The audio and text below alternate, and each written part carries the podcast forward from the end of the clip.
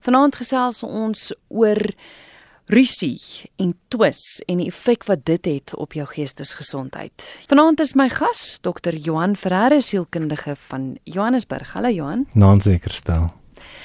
Ons gesels oor rusie en twis. Het dit 'n invloed op jou geestesgesondheid? Definitief. Mens moet natuurlik na konflik kyk vanuit twee hoeke. Mens kry positiewe konflik en dan negatiewe konflik. So die positiewe konflik is wanneer mense van mekaar verskil en hulle kan kommunikeer en hulle kan tot 'n oplossing kom. So ons leer iets nuuts van mekaar of iets nuuts van 'n onderwerp. Ehm um, dis nou nie noodwendige rusie nie. Hmm. So ons verskil van mekaar. Negatiewe konflik, dit sal nou die die kategorie van rusie en twis insluit. Ons sien gewoonlik dat een of albei die partye is in 'n magstryd met mekaar so. Ek wil reg wees en dit maak nou nie saak of ek nou eintlik reg is of ek eintlik verkeerd is nie. Ek wil my punt op jou afdwing en dit veroorsaak negatiewe emosie. Daar's nie eintlik 'n oplossing nie. Ehm um, dit bring hartseer, dit ontstig en ontstel ons, dit maak dit ons nie lekker kan slaap nie uiteindelik lei dit daartoe dat ons hoë angsvlakke het, dat mense depressief kan raak as daar voortdurende gestry en twis oor ehm um, meestal onbenullige onderwerpe in 'n in 'n verhouding of in 'n gesin is. Dink jy mense is partykeer moetswillig en hulle is nie bereid om te sê goed jammer ek is verkeerd of ek gaan nie mindere een wees nie. Dit was op my bietjie so hardkoppig is. Mm, ja, kyk dit het te doen met ehm um, dit het te doen met persoonlikheidstyl en met aangeleerde gedrag. So as jy gesosialiseer is om te glo dat jy altyd reg is, ehm um, dan dan gaan jy uit die aard van die saak baie moeilik sê, weet jy, ek dink ek het nou 'n fout begaan of ek is jammer. Of weet jy, hierdie is eintlik net nie vir my belangrik genoeg dat ons nou verder vrede hieroor moet verloor nie. En dan kan 'n bekleierery oor iets totaal onbenulligs natuurlik nou vir vir daarlank aanhou. Hmm. En ehm um, dan het het al die partye nou die negatiewe gevolge daarvan wat wat mense emosioneel net ontstig laat en eintlik maar net jou vrede en jou vreugde steel. Nou vanaand se tema is gekies jy's na aanleiding van 'n brief wat ons ontvang het van een van ons luisteraars, dis anoniem uit Durban. En dis 'n jammer, dis 'n effense langerige brief, maar ek gaan dit lees want ek dink dit som ook vanaand se tema heel op. Sy het 'n hele paar vrae wat sy vra. So kom ons kyk. Sy sê: "Wat staan my te doen met kinders, susters, reeds volwassenes wat gereeld mekaar aanval?"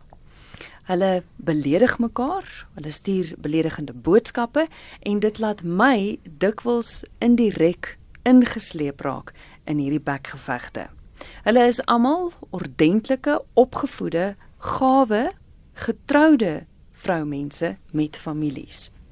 Hulle is 5 dogters waarvan 2 stiefdogters is, maar reeds van kleins af het hulle by my en my oorlede man gebly. Ons kom baie goed oor die weg, maar die probleem lê tussen die egte susters, veral die jongste een, kom ons noem haar A en ook een van die ander wat 5 jaar ouer is. Kom ons noem haar B. Nou A is insulien afhanklik diabetes reeds vir 2 jaar lank al. Sy is 30 jaar oud met 2 kinders. Sy het dus as gevolg van haar siekte toestand baie meer aandag as die ander nodig. Ongelukkig is hulle finansiëel ook as gevolg van hulle beroepe die armste van die 5 kinders. Nou, hulle leef volgens hulle vermoë. Met ander woorde, as dit by klere drag kom, dan dra my dogter dit wat sy kan bekostig, waar die ander een meer deftig is. By indirekte sy sê indirek word daar neergekyk op haar. Sy sal byvoorbeeld tydens argumente dinge kwytraak soos nie goed genoeg vir julle nie of julle skaam julle vir my. My dogter B dis nou die suster wat 5 jaar ouer is, sy is die welgestelde van die res. Maar sy maak dit ook baie duidelik vir altydens argumente. Die brief gaan verder waar sy sê dat as gevolg van my werk, ek doen tuisversorging, beteken dit dat ek 10 dae by die huis is. Nou ek deel 'n huis met my jongste dogter, A, en dit veroorsaak dat ek baie by die huis is. Ek deel 'n huis saam met haar en haar gesin en dit het ons om finansiële redes gedoen vir my en vir hulle. Nou, soos jy kan aflei, is daar genoeg ammunisie om mekaar baie te beledig en mekaar sleg te sê deur middel van hulle argumente. Ek is 65 jaar oud, ek is 'n weduwee, ek is fiks, ek is positief, maar hierdie gedurende onder onsie tussen die dogters maak my ongelukkig en dit maak ook my te neergedruk. Ek weet nie wat om te maak nie. Help asseblief. My een dogter bly in Gauteng en die ander een in Natal, die een by wie ek bly. Ja, jy kan hoor is 'n dis 'n redelike dinamiese familie hierdie. en ehm um, wat vir my positief is uit die brief is dit klink vir my of hulle te midde van al die konflik daarom nog almal verhouding met mekaar het. So dis nie asof hulle nou al opgehou praat het nie. So dis positief. Ons moet onthou dat dat in families is daar sekere gedragspatrone. So van kleins af word kinders blootgestel aan sekere gedrag. Ehm um, so die deel van ons persoonlikheidstyl wat ons oorerf geneties van ons ouers is ons temperament. En die ander deel van van ons wat ons persoonlikheid word is ehm um, kultureel gedrewe, dis sosiaal aangeleer. Ek vermoed dat eers in hierdie in hierdie troppie dogters se lewens was daar ehm um, sekerlik gedrag wat hulle moes aangeleer het dat mens dat mense vrye sê het dat as iets jou ontstel dat jy dat jy nie stil bly daaroor nie en dat jy jou jou opinie duidelik lig en dit klink my dit ontstel nou die ander. Ehm um, ons moet tog nou maar onthou dat mense in in wese van mekaar verskil. So net omdat ons familie is, jy weet of ons nou aangetrou of aangebore of aangelap is, ehm um, weet mense verskil in in wese van mekaar. So dit beteken nie noodwendig ons moet almal met mekaar fantasties oor die weg kom nie. Daar's baie min ehm um, families waar daar werklik geen konflik is nie. Nou ek ek, ek hoor die die matriarg van die familie raak ontsteld en sy kry seer. En weet soos enige ma wil ons mos nou maar hê dat dat daar nie moet konflik wees nie. So die eerste ding wat almal moet besef is ons kan nie konflik vermy nie. Konflikvermyding is nie konflikoplossing nie. So ons moet aanhou praat. As dinge natuurlik nou lelik raak, dan dan moet ons besluit dat ons tog nou eers grense moet hê in terme van wat ons vir mekaar sê en daarom seker oor hoe ons dit vir mekaar sê as daar as daar sprake is dat van die familielede dan nou minderwaardig voel weens die kommunikasie, moet ons daarom nou seker gaan kyk na wat is die inhoud wat gesê word. Ehm um, is dit nodig om dit om dit so skerp te sê, om dit so direk te sê? En dan moet die ma natuurlik nou onthou, ehm um, ek neem aan sy het nou gesê al die dogters is nou al volwassenes. So sy sal sy sal uit die proses uit moet tree met tye indien daar nou opinieverskille, jy weet geskille tussen van die volwasse kinders ontstaan. Dat sy nie dat sy nie in 'n driehoek met twee van hulle beland nie. Want dan skuif dit nou mos maar die aandag weg van die gesprek af en ehm um, jy weet kan sy verantwoordelikheid aanvaar vir 'n gesprek of 'n argument wat tussen twee aparte individue uitge, uitgepraat moet word. So sy moet maar leer om haarself te distansieer. Indien indien dit nou nie tot tot 'n volskaalse oorlog gaan lei nie, dan kan mens mos maar uittreë uit die proses uit en sê, maar weet jy, julle is mos nou groot mense, sorteer dit met mekaar uit. Ehm um, die die verkeerde ding wat mense as ouer kan doen is om natuurlik om kant te kies. Ehm um, al is een van die partye nou meetbaar verkeerd. Om eerder dan net te sê, weet jy, ehm um, kom ons praat en kyk of daar dalk 'n ander opinie is. Ek verstaan dalk dat jy my misverstaan het. Ehm um, ek ek sal ek sal dalk moet aanvaar dat dit is hoe jy my sien. Hmm. Dit dit verg natuurlik nou insig en ehm um, as daar nou 'n lang geskiedenis van konflik is, is dit baie moeilik. Want as mens nou eens in 'n magstrydsverhouding verval het, dan is dit ehm um, dis die maklikste ding om na toe terug te gaan ek moet net ek moet net bewys dat ek reg is. So of ek draai net die volume op, ek skree net al hoe harder of ek raak net al hoe viesliker. Ek sê net meer en meer ehm um, onaangename goed. Wat moontlik die waarheid is, want as familie ken ons mos nou mekaar se diepste donkerste geheime en ons moet mekaar eintlik beskerm deur nie daaroor te praat nie. Maar as ons kwaad raak, dan ruk ons nou mos die die giftigste pyl uit en en vuur hom nou af. Ehm um, bloot maar omdat jy dalk onveilig voel in die situasie. Het 'n SMS deurgekom van 'n luisteraar wat sê my beste vriendin van 9 jaar het skielik sonder verduideliking in haar baie vriendskap beëindig. Sonder rede, sy vertel my nie wat die rede is nie en dit veroorsaak angs by my. Hmm. Ek um, kan nie closure kry nie en die stres veroorsaak nou dat ek ook fisieke probleme het. Wat moet ek doen? Ai. Kyk die die die oplossing lê daarin dat mens moet probeer om in gesprek te tree met hierdie persoon. As dit nou 'n lewenslange vriendskap is, dan uit die aard van die saak is dit baie moeilik om deur 'n verlies te gaan van so iets. Veral as die as die ander party regtig nie weet wat gebeur het nie jy weet het ehm um, het het ek iets gedoen? Het iemand iets gesê? Is daar 'n misverstand? Ehm um, is dit is dit iets wat ek gedoen het wat ek nie van bewus is nie? Ehm um, jy weet daar kan daar kan 'n magter menigte redes voor wees.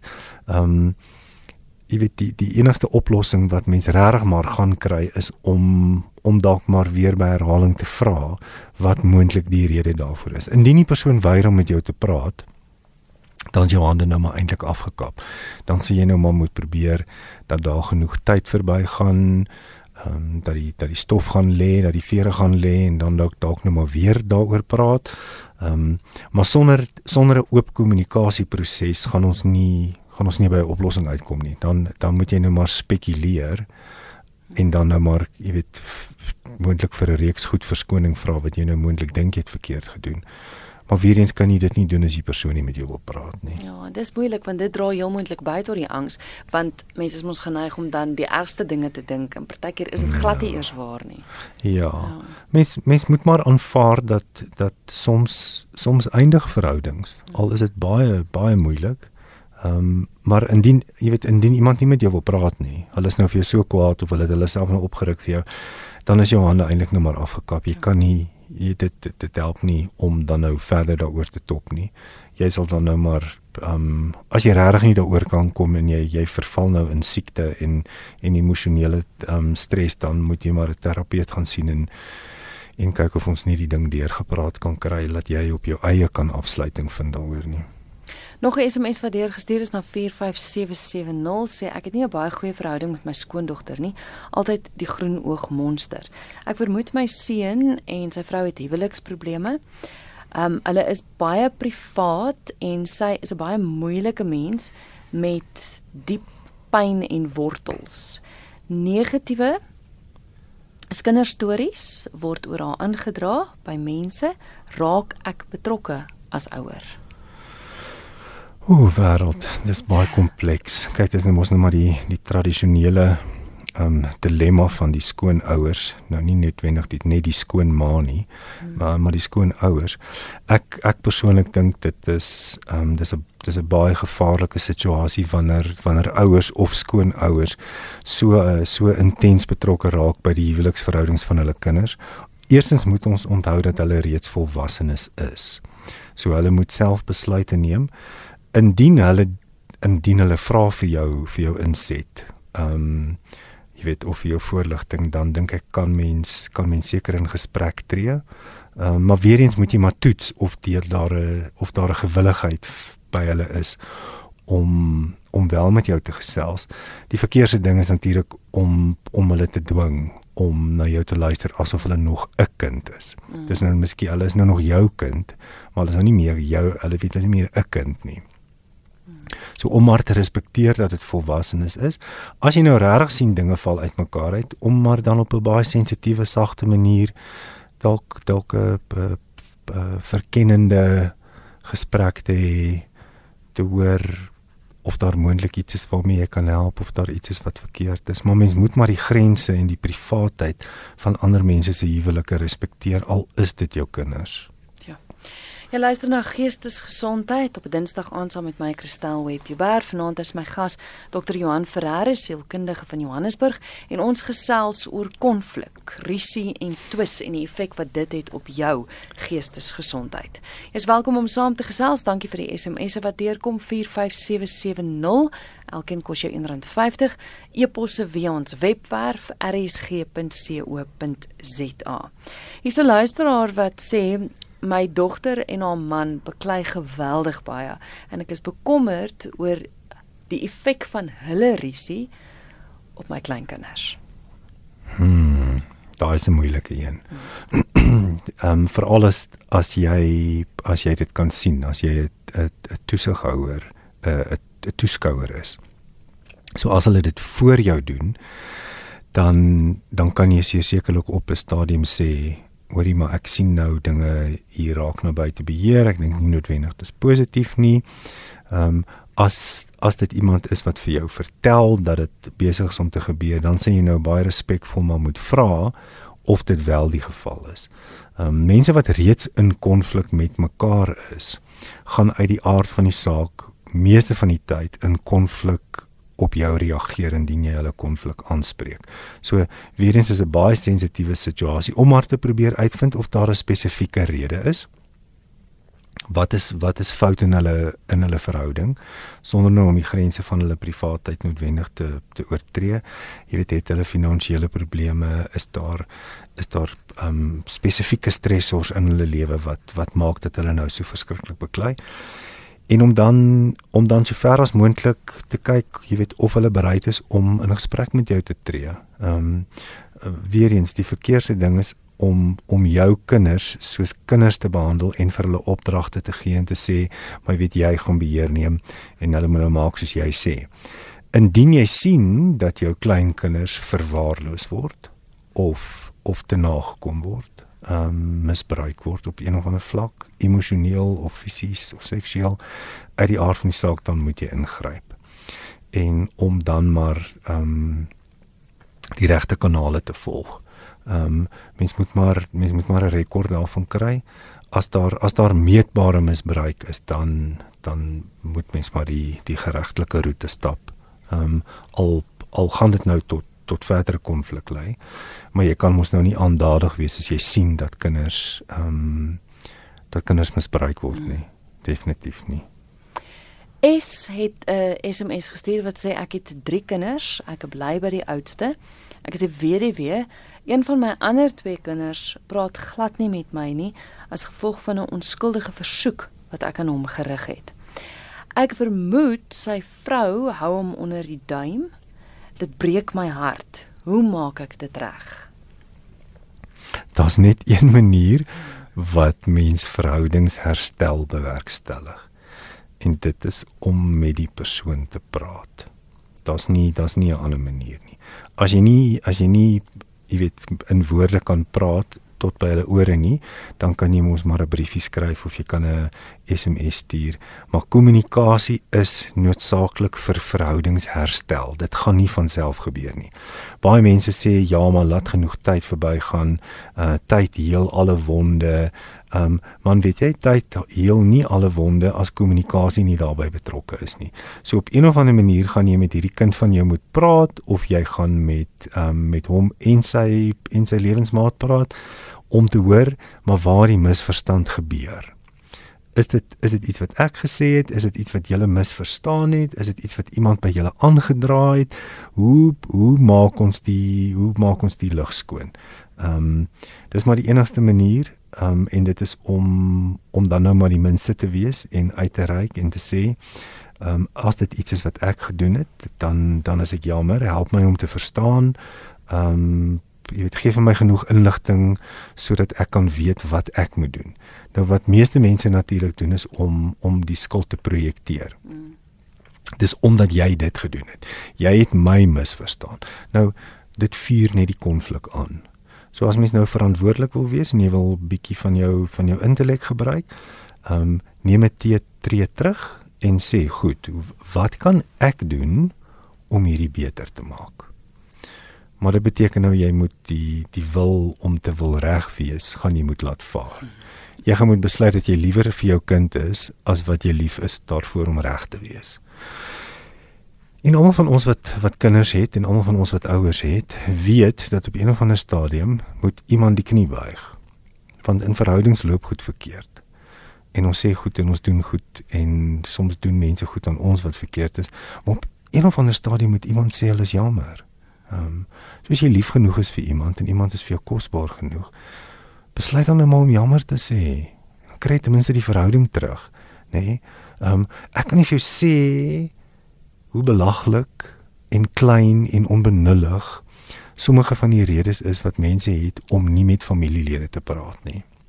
Ja. Misverstande, simpel goedjies wat oor tyd eksponensieel gegroei het tot enorme berge en dan voel hulle dit is onoorkombaar. Hulle hulle gaan dit nooit kan regmaak nie. En as mense hulle gemotiveer kry dan dan neem dit gewoonlik een gesprek wat begin deur te sê, "Maar ek het jou lief jy's my kind of jy's my ouer, ek wil die verhouding met jou hê. So jy kwalifiseer onmiddellik die inhoud van die gesprek. Ek wil die verhouding hê. So sê vir my wat het ek gedoen? Ek dink ek het X gedoen. Ek is jammer daaroor. Is dit so? En kan jy my verskoning aanvaar? Kan jy my vergewe? En dan vir meeste redelike intelligente, redelike normale mense is dit 'n baie positiewe stap. En meeste mense sal jou vergewe. Ehm um, as jy dit met opregtheid bring. Dit neem soms 'n bietjie langer, dit hoef nou nie 'n uh, enkele gesprek te wees nie, maar maak ten minste die deur oop vir gesprekvoering. Goed. Het 'n e-pos deurgekom van 'n luisteraar wat sê my broer is onlangs oorlede en dit voel vir my asof die familie uitmekaar uitspat. 'n uh, familielid wat die eksekuteur is, speel nie oop kaarte met ons almal nie. Ek het al vrae gevra, maar ek kry geen antwoorde nie uh, oor die boedel nie en dit veroorsaak konflik wat onnodig is. Dit voel asof dinge net erger raak en nie beter nie. Die luisteraar wil weet, dit gee ons ook nie die geleentheid om te rou nie. En ehm um, dit word nie uitgeklaar nie. Hoe maak mens om so 'n situasie op te los. Al weer eens jy kan hoor die die oorsprong van die probleem klink na gebrek aan kommunikasie. Iemand praat nie met iemand anders nie. So daar's 'n behoefte aan kennis. Dit klink maar die familie wil graag weet wat aangaan. Hmm. En dit klink of daar 'n persoon is of persone is wat inligting weerhou. Nou ons moet verstaan dat wanneer iemand sterf, is daar nou 'n gekompliseerde proses wat moet begin. Eerstens 'n gekompliseerde emosionele proses. Mense voel skuldig, mense voel hartseer, mense voel buite beheer, um, hulle voel verlaat, hulle voel verwerp en dan moet daar nou 'n regsproses ook plaasvind. So indien mens nie regtig kennis het oor hoe die rol van die eksekuteur verloop en hoe lank dit vat en hoe frustrerend dit is om al die inligting bymekaar te kry. Nie kan misverstande baie gou ontstaan.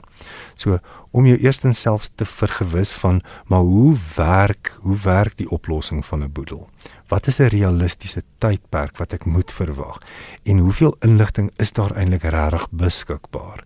Ehm um, en om dit nou vermeng te kry met die emosionele rouproses is baie ingewikkeld. Ehm um, jy weet die die die rol van die eksekuteur is 'n baie ingewikkelde, moeilike ehm um, rol vir alles dit een van die familielede is want hulle is mos nou ook nog in 'n proses van rou. So weer eens, ons is maar terug by kommunikasie is die antwoord. Ehm um, vra en dan as die persoon regtig nie wil antwoord nie, gaan kry inligting op 'n ander plek sodat jy kan uitvind of jy realistiese verwagtinge het. So as dit nou 6 maande na die dood is. Vind by iemand uit, bel 'n prokureur, gaan op die internet en kyk, maar wat is die algemene tyd vir 'n boedel om opgelos te word? Dan kom jy dalk agter, maar weet jy dis 9 maande tot 18 maande. Dan besef jy maar ek het moontlik onrealistiese verwagtinge. Ehm um, so so die die enigste die enigste oplossing weer eens is om hou aan om die vrae te vra en dan kry die regte inligting sodat die die verwarring en die angstigheid minder kan word. As mens kyk na konflik by die werk want ons het oorwegend nou gesels oor oor konflik tussen familielede. Hmm. As jy kyk na konflik by die werk, word dit ook hoofsaaklik opgelos deur kommunikasie? Ja, kyk die dilemma met konflik by die werk is dat mens dat mens baie keer daar 'n 'n hiërargie van van mag het. So um, tensy jy nou met 'n kollega wat dieselfde hoeveelheid mag is as jy in 'n in 'n skermutseling betrokke raak, dan moet mens dit nou maar uitbeklei, maar as dit nou iemand is wat meer of minder mag as jy het, dan raak die proses baie kompleks. Emosioneel moet jy nou elke dag teruggaan soontoe. So nou begin mense nie meer werk toe wil gaan nie want dit is vir hulle aaklig en hulle kry nie hierdie argument met iemand opgelos nie of hulle voel dat dat jy weet ehm um, daar nou julle span is wat teen hulle werk en hulle jy weet hulle hulle was nou al by die menslike hulpbronne afdeling en hulle kry nou nie noodwendig daar 'n antwoord nie. So dit kan baie vinnig ehm um, buite beheer buite beheer raak veral as dit nie reg bestuur word nie. So by 'n by 'n maatskappy ehm um, moet mens maar sorg dat jy binne die reëls van van van kommunikasie bly. Daar's sekere mense met wie jy kan gaan praat daaroor. En dan as jy nou nie 'n oplossing daarvoor kry nie, dan moet jy nou maar met iemand meer senior praat. Ehm um, maar weer eens, ehm um, twis en en en konflik en rusie kan net gebeur wanneer mense negatief kommunikeer. So as jy dit wil verander, begin by jouself, vra wat het jy gedoen? Dis gewoonlik die veiligigste plek om te begin. Twee mense kan nie met mekaar beklei as die een ophou beklei nie. Dan dan hou die konflik op, né? Nee? Nou met daarmee sê ek nie ons ons raak nou passief aggressief nie. Weet dit is maar net so erg. Nou ignoreer ek jou. Um om iemand te ignoreer is nie konflikoplossing nie.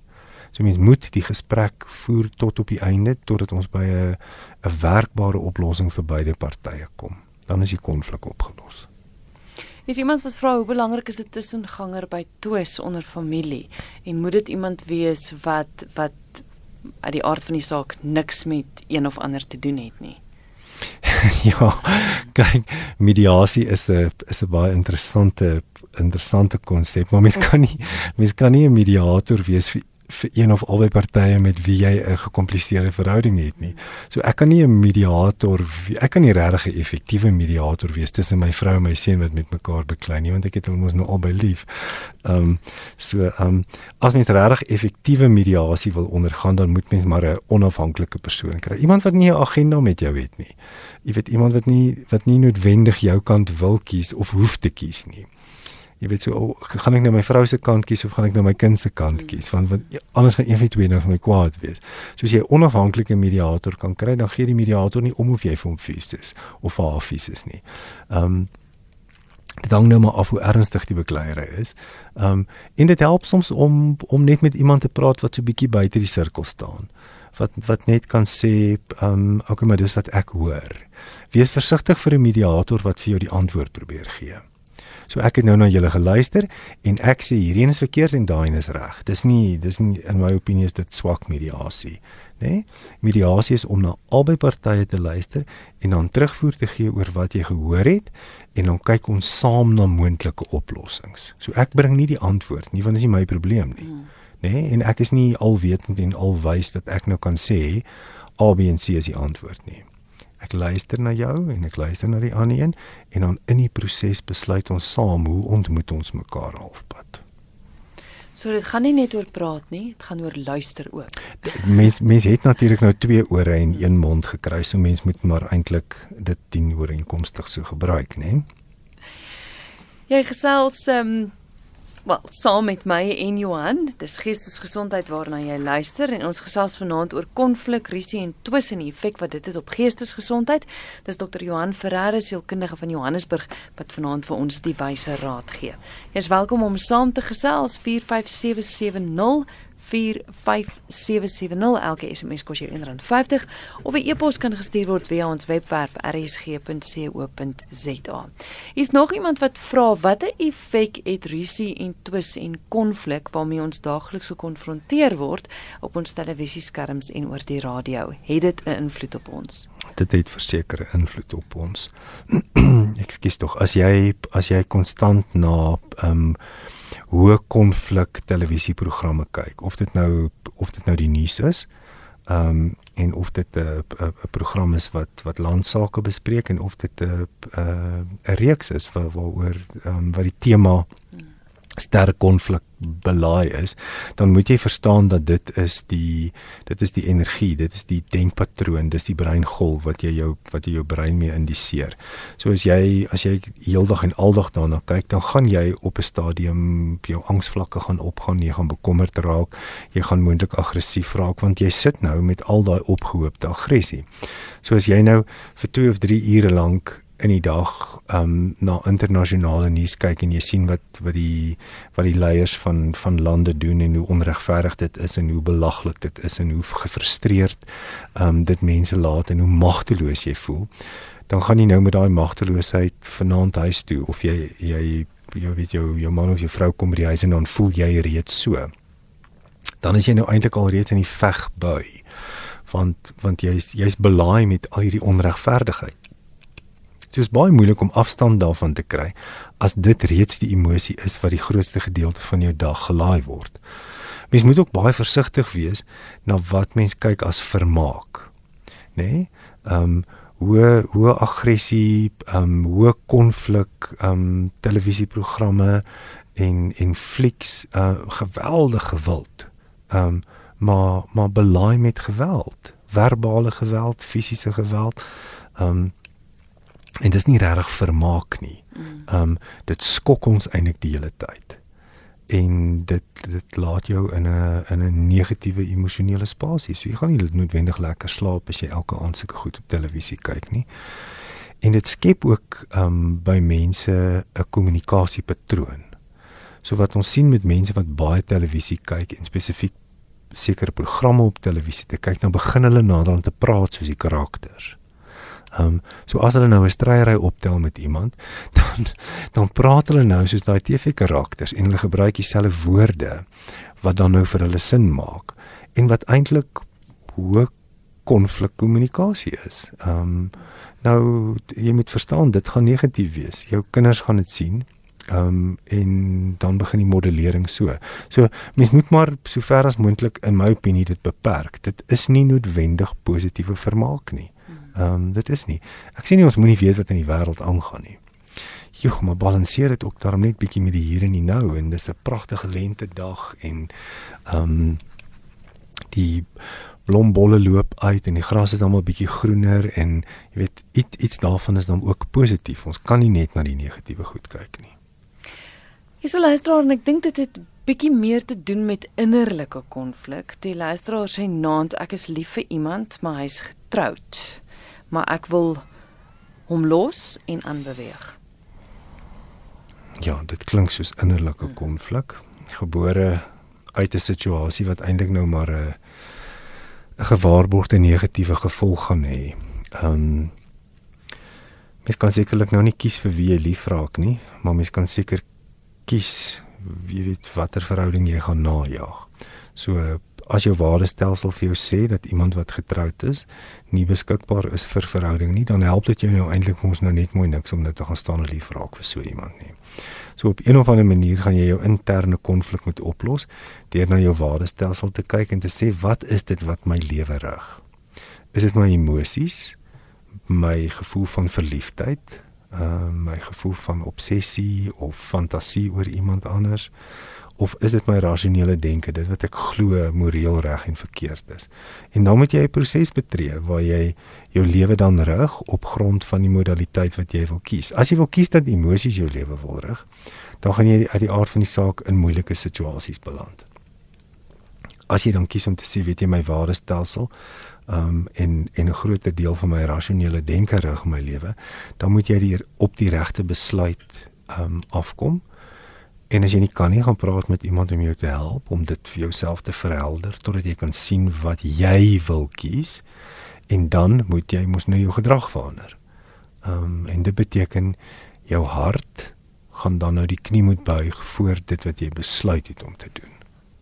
En dit is moeilik. Dit veroorsaak interne konflik heelwat SMS'e wat deurkom oor ma's en hulle skoondogter. Mhm. Ehm mm um, die een sê ek het onlangs na 'n vreeslike aand van kleinkinders kyk is ek deur my seun en sy vrou in hakkies vir wie ek nie vreeslik baie respek het nie uit hulle huis uitgejaag na 'n argument. Ek en my seun was eens baie naby aan mekaar gewees. Ek voel baie seer gemaak en geskok. Ek kon nie glo wat gebeur het nie. Sy sê hy het die volgende dag vreeslik om verskoning gevra en gesê hy is baie jammer, maar sy sê sy kan net nie dieselfde voel nie. Hy het haar gevra om weer terug te kom en en te kyk of hulle die verhouding kan herstel, maar sy sê sy weet nie weer of dinge dieselfde gaan wees nie. Ja, ons jy, jy, jy kan hoor dat daar 'n 'n konflik was, maar daar moet nou 'n proses van vergifnis plaasvind voor herstel kan plaasvind. So as ons wil as ons wil verhoudings herstel hê, dan moet ons met mekaar praat. Dit klink maar die die die seun wil graag praat, hy wil dit graag oplos, maar nou moet ons die gewilligheid hê om dit te doen. Ons moet nou die proses betree. En dit beteken dat ek moontlik die minste gaan moet wees of dat ek moontlik iemand gaan moet vergewe vir iets wat ek nou nie voorlus is nie. Soos iemand nou lelik met my was en dit was nou meetbaar hulle fout en hulle sê nou hulle is jammer. Gaan ek mos nou moet kies om hulle te vergewe. Nou dis nie altyd so maklik nie. Ehm um, maar dis die enigste pad as jy wil hê die verhouding moet herstel. Mm. Verhoudingsherstel kan nie plaasvind as daar nie vergifnis is nie. Vergifnis kan nie plaasvind as ons nie praat nie. So betree maar die gesprek mevrou.